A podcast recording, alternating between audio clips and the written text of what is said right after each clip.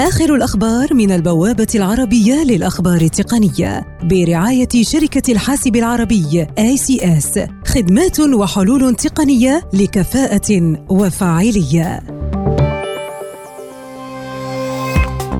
أبل تكشف عن خدماتها القائمة على الاشتراك الشهري. أبرزها خدمة الألعاب Apple Arcade المخصصة لمتجر App Store وخدمة News Plus الهادفة لجلب المجلات لتطبيق الأخبار. أبل تعلن عن خدمة بث الفيديو Apple TV Plus وقنوات Apple TV بعد استثمارها بمليار دولار في المشروع وتصدر بطاقة ائتمانية Apple Card بالتعاون مع بنك جولدمان ساكس بهدف زيادة حصتها من الأموال المنفقة من مستخدميها أبل تصدر نظامي تشغيل iOS 12.2 ونظام macOS 10.14.4 حيث تتضمن التحديثات الجديدة دعما للخدمات الجديدة المعلن عنها.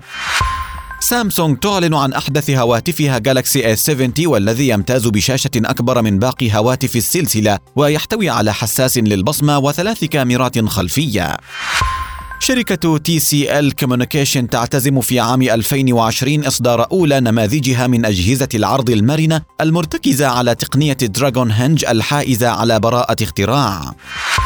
باحثون أمنيون يقولون إن متسللين تمكنوا العام الماضي من اختراق أكثر من مليون جهاز حاسوب من إنتاج ASUS وإيصال برمجيات خبيثة عن طريق اختطاف تحديث البرامج الخاص بها.